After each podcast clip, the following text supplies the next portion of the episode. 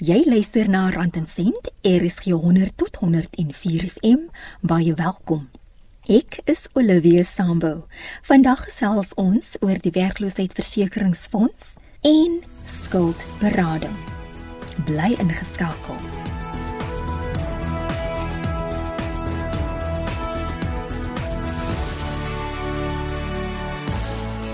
Die werkloosheidsversekeringsfonds is daar gestel om korttermyn verligting aan werkers te bied wat hulle werk om verskeie redes verloor het. Werkers wat tot die fonds bygedra het, kom in aanmerking vir verskillende voordele wat insluit tydens swangerskap, aflegging, afdanking en wanneer jy weens siekte nie kan werk nie. Anta tekorte van die departement van werkskepping en arbeid in Kimberley in die Noord-Kaap verduidelik hoe die berekeninge gedoen word om te bepaal hoeveel geld aan jou betaal sal word wanneer jy eis. Die UIF het 'n top-up stelsel wat hulle gebruik, so dit is tussen 36 en 58% jou salaris is R20000 'n maand. Ek vat 'n voorbeeld. Jy moet onthou, jy dra nie by tot R20000 nie. Met ander woorde, 1% van R20000 is nie wat jy bydra nie. Die maksimum skaal waartoe jy bydra is R17712. Met ander woorde, enigiets bo dit, jy dra net tot daai skaal by. So ons kan nie gaan en sê jou salaris is nou R20000 en nou 36% vat van dit af nie of 60% of 58% nie altyd skies van dit vat nie. Ons vat op dit wat jy bygedra het tot die fonds en ons werk aan die persentasie daarvan af. Die ander ding waarna ons kyk is ons kyk na die laaste 4 jaar. Kom ons sê jy het vir 10 jaar aan mekaar gewerk. So dan vat ons die laaste 4 jaar om 'n berekening te kry. Vir elke 4 dae wat jy gewerk het, gaan ons jou basies net vir een dag kan betaal. So as jy nie aan eenlopend gewerk het vir 4 dae nie, gaan ons jou nie die maksimum kan betaal van 365 dae nie.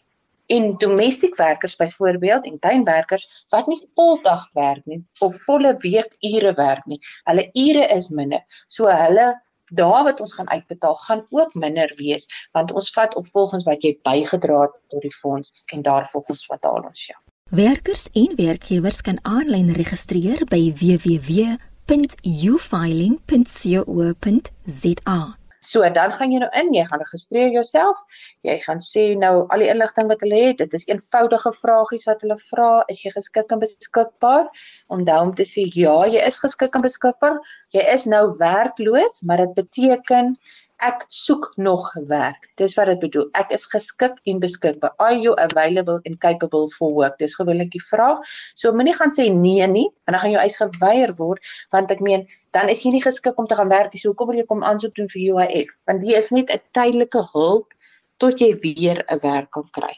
So wees maar baie versigtig dat jy die vraag reg verstaan. Bel eerder en vra dat ons jou kan help om die vraag reg te verstaan. Dan gaan jy na die volgende stap toe. Ek dink daar's 4 of 5 stappetjies en dan moet jy jou bankbesonderhede inbetaal want onthou ons betaal die geld direk in jou bankrekening in. En dan is daar ehm um, gaan hulle vir jou 'n SMS stuur om te sê jy het aansoek gedoen en dan dan gaan jy weer 'n SMS kry om te sê jou aansoek is goedgekeur of afgekeur hangende af van wat jy miskien nou moes ingesleutel het wat jy nie ingesleutel het nie. En dan kan jy na 28 dae ingaan weer en dan kan jy die payment aktiveer. So die gewone voordele het nie regtig verander volgens wat jy manueel sou gedoen het nie. Jy gaan dit nou net basies op die stelsel doen. Daar is verskeie redes waarom jou eis afgekeur kan word as jy aansoek doen vir gewone voordele. Onthou die eerste en die belangrikste ding is jy moes bygedra het tot die fonds om UIF te kan eis. Dis baie belangrik. So as jy nooit bygedra het nie, kom ons sê jy was net 'n kommissiewerker, jy het nooit bygedra nie. Jy het minder as 24 ure in 'n maand gewerk. Jy het nie bygedra nie. Jy gaan kom aansoek doen, die eis gaan geweier word want jy het nie bygedra nie, so daar's niks waarop ons jou kan uitbetaal. So dis die eerste ding. Tweede ding, as jy bedank of abscond het, gaan jy kan aansoeke doen, maar jou eis gaan afgekeur word want onthou dis vir mense wat hulle werk verloor het en weer werk wil gaan soek. Maar as jy self besluit het maar ek loop nou, dan het jy myself besluit jy wil jou dienste beëindig. So die gaan dan nie vir jou help nie. Want die is net vir die mense wat as gevolg van end of contract met ander woorde um, die kontrak het beëindig, jy is retire en geretrench jy is miskien gedismis van die werk af. So daardie goeders kan jy welkom aansoek doen en dan kan ons jou eise goedkeur. Die ander ding ook hoe jou eis miskien kan afgekeur word is met gewone voordele waarmee ons nou besig is. Kan jy binne 'n jaar nadat jy die dag wat jy opgehou het, binne 'n jaar moet jy kom aansoek doen vir voordele. So as jy nou 'n jaar en 'n dag vat om aansoek te doen, gaan jou eis geweier word want jy het jou 12 maande gehad. Met ander woorde, ek hou op werk die 31ste Januarie, so my 12 maande begin van die 1ste Februarie af. So as jy nou volgende jaar Februarie die tweede kom aansoek doen, gaan jou eis geweier word. So dit is baie belangrik dat jy so gou as moontlik kom aansoek doen vanaf die datum wat jy opgehou het met werk. So dit is maar die basiese redes en dan ook hoekom ons goeders kan miskien nie, nie weier nie, maar miskien uithou vir inligting wat ons nog soek is. Miskien is die UI19 nie reg voltooi deur die werkgewer nie of jy het jou bankvorm verkeerd voltooi of jou bankrekening is toegemaak, dan gaan jou eis nie goedgekeur kan word nie, want ons moet die bankbesonderhede vas lê om jou eis goed te kan keer. So daar's baie kleinigheidjies waarna ons ook kyk. So gesels aan dat tekorte van die departement van werkskepping en arbeid in Kimberley. Die gewone voordele wat Anta hier genoem het, sluit nie die voordele in wat geskep is om verligting te bring tydens COVID-19 nie. Die proses om aansoek te doen vir die tersvoordele verskil ook van die proses vir gewone voordele. Selfs mense wat nie tot die fonds toe bygedra het nie, kan aansoek doen vir die tersvoordele. Dis bitter moeilik om vir hulp te vra as jy in 'n finansiële verknorsing is.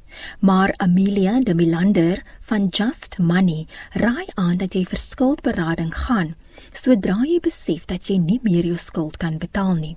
Jy begin deur die eerste stap te neem, soos met alle swaar dinge in jou lewe is net om dan te sê ek kan nie bybly met die terugbetaling van my kredietooreenkomste nie.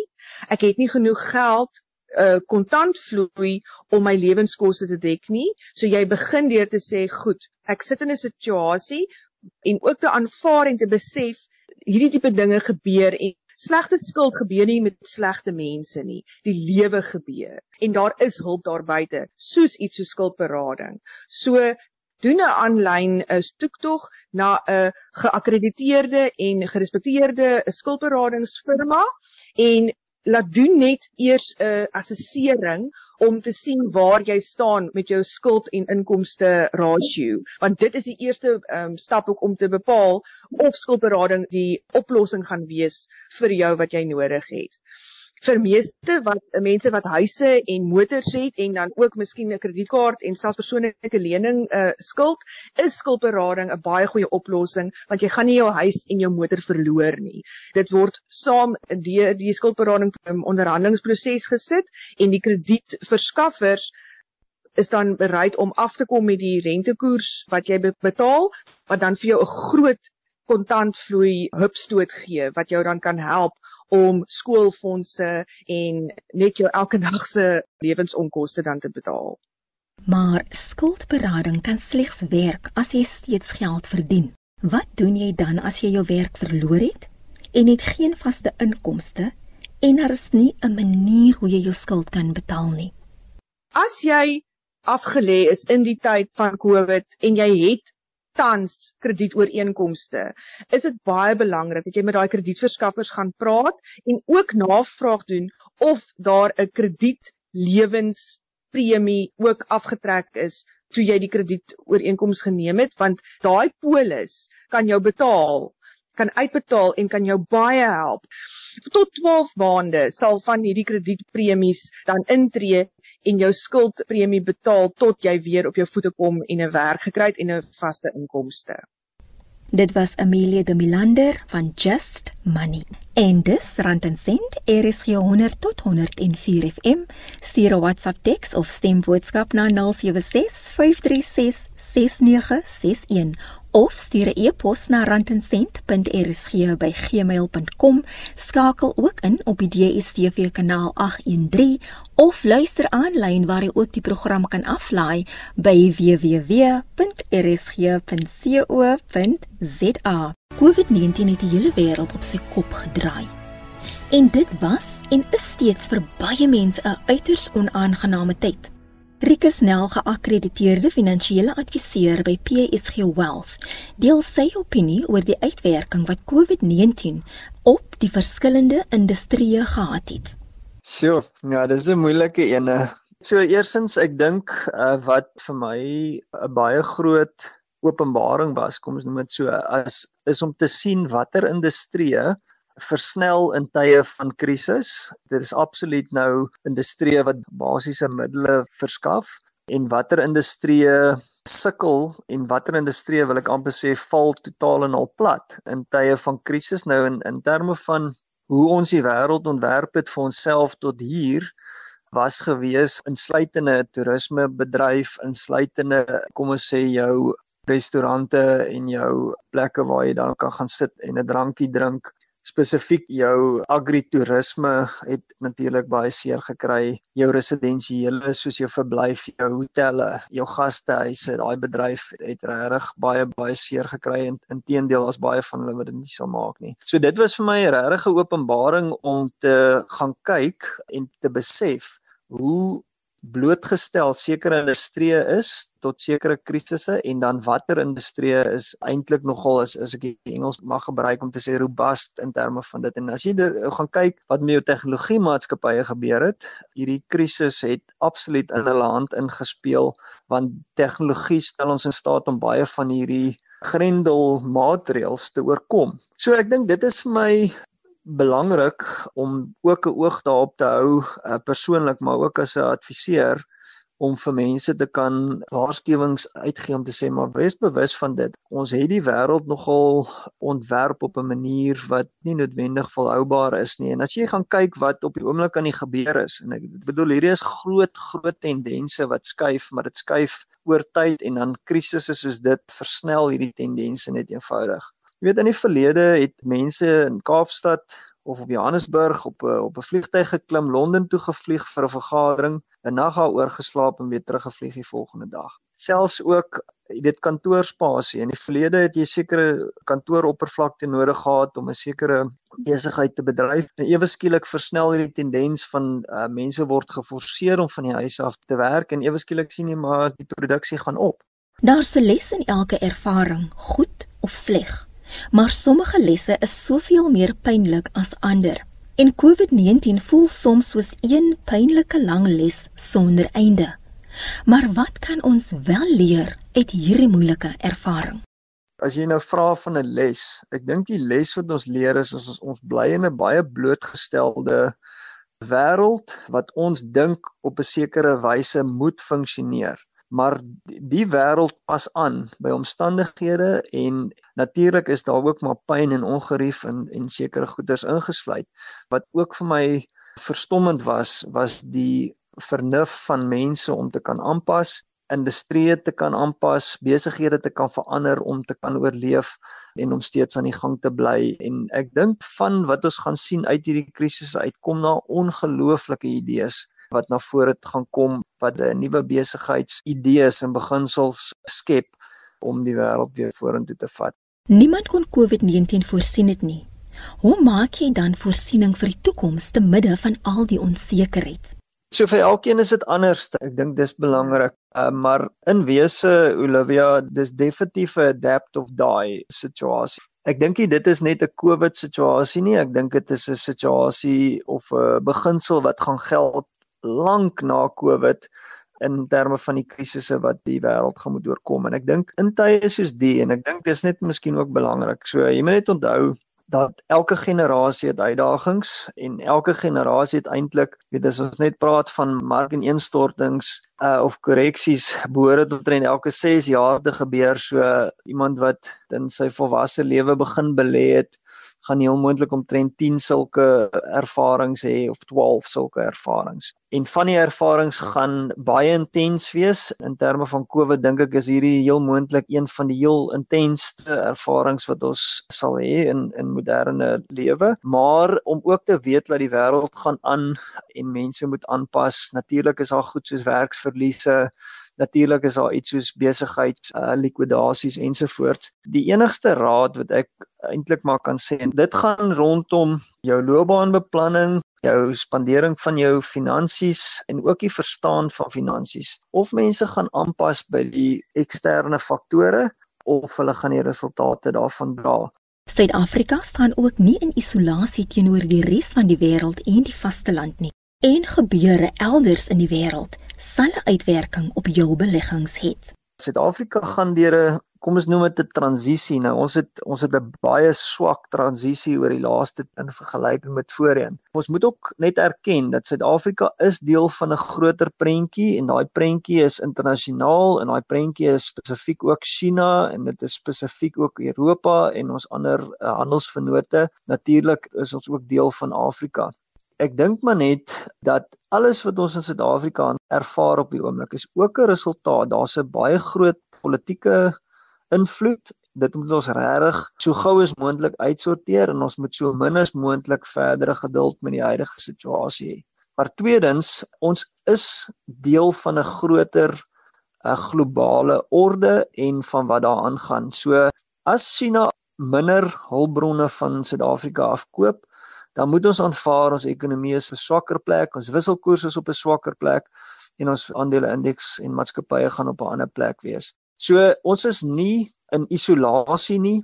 Weereens as Amerika en China vir mekaar grom, moet ons verwag dat dit gaan 'n invloed hê op Suid-Afrika en as ons dit aanvaar en erken, dan kan ons net sowel ons portefeuilles vat en ordentlik internasionaal gaan diversifiseer. En as ek dit sê, dan beteken dit nie ons hoef al ons geld uit die land uit te, te neem nie, want ek dink daar steeds goeie geleenthede hier. Maar ons hoef definitief nie al ons geld in fisiese eiendom in Suid-Afrika te steek en te dink ons gaan okay wees nie. Ek dink nie dit is hoe 'n mens belê nie en ek dink daar's ander alternatiewe. Ons is definitief 'n deel van 'n globale oop univers of universe wat ons ander geleenthede het wat ons sekere risiko's kan afbring waar ons ekstra geleenthede kan kry en wat ons deel kan word van 'n internasionale gemeenskap wat probeer om ons finansies oor tyd teen aanvaarbare risikovlakke te kan uitbou.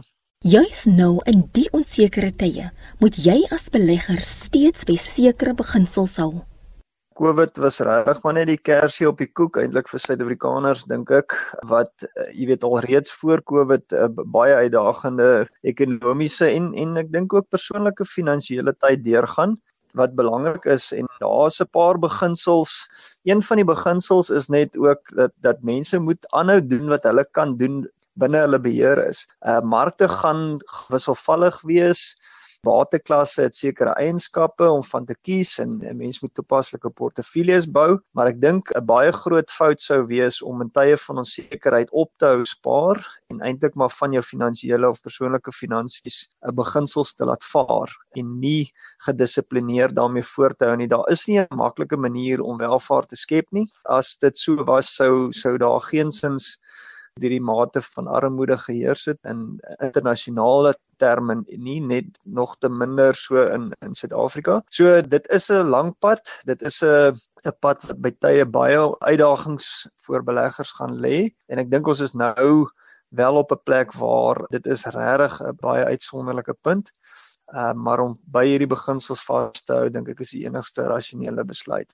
Dit was Rikke Snell, geakkrediteerde finansiële adviseur by PSG Wealth. Met die eindeksamen om die draai, is dit nou meer as ooit tyd om hersiening te doen. Een van die beste maniere om te leer is om ou vraestelle te beantwoord en so jou kennis te toets. Gaan loer gerus op afrikaans.com se leerhulp afdeling vir 'n lys vraestelle oor Afrikaans eerste addisionele taal en Afrikaans huistaal en spring weg. Om die vraestelle af te laai, gaan na afrikaans.com, klik op leerhulp en kies vraestelle onder die leerblokkie. Daar is ook nuttige studiewenke. Jy kry dit by artikels onder die algemene blokkie op die landingsblad. Voorspoed matriek 2020 was 'n vreemde jaar vol unieke uitdagings, maar die einde is in sig. Lekker leer. Ek is Olivia Sambo, dis tot sins van my hierdie program word weer woensdagoggend om 0.30 uitgesaai.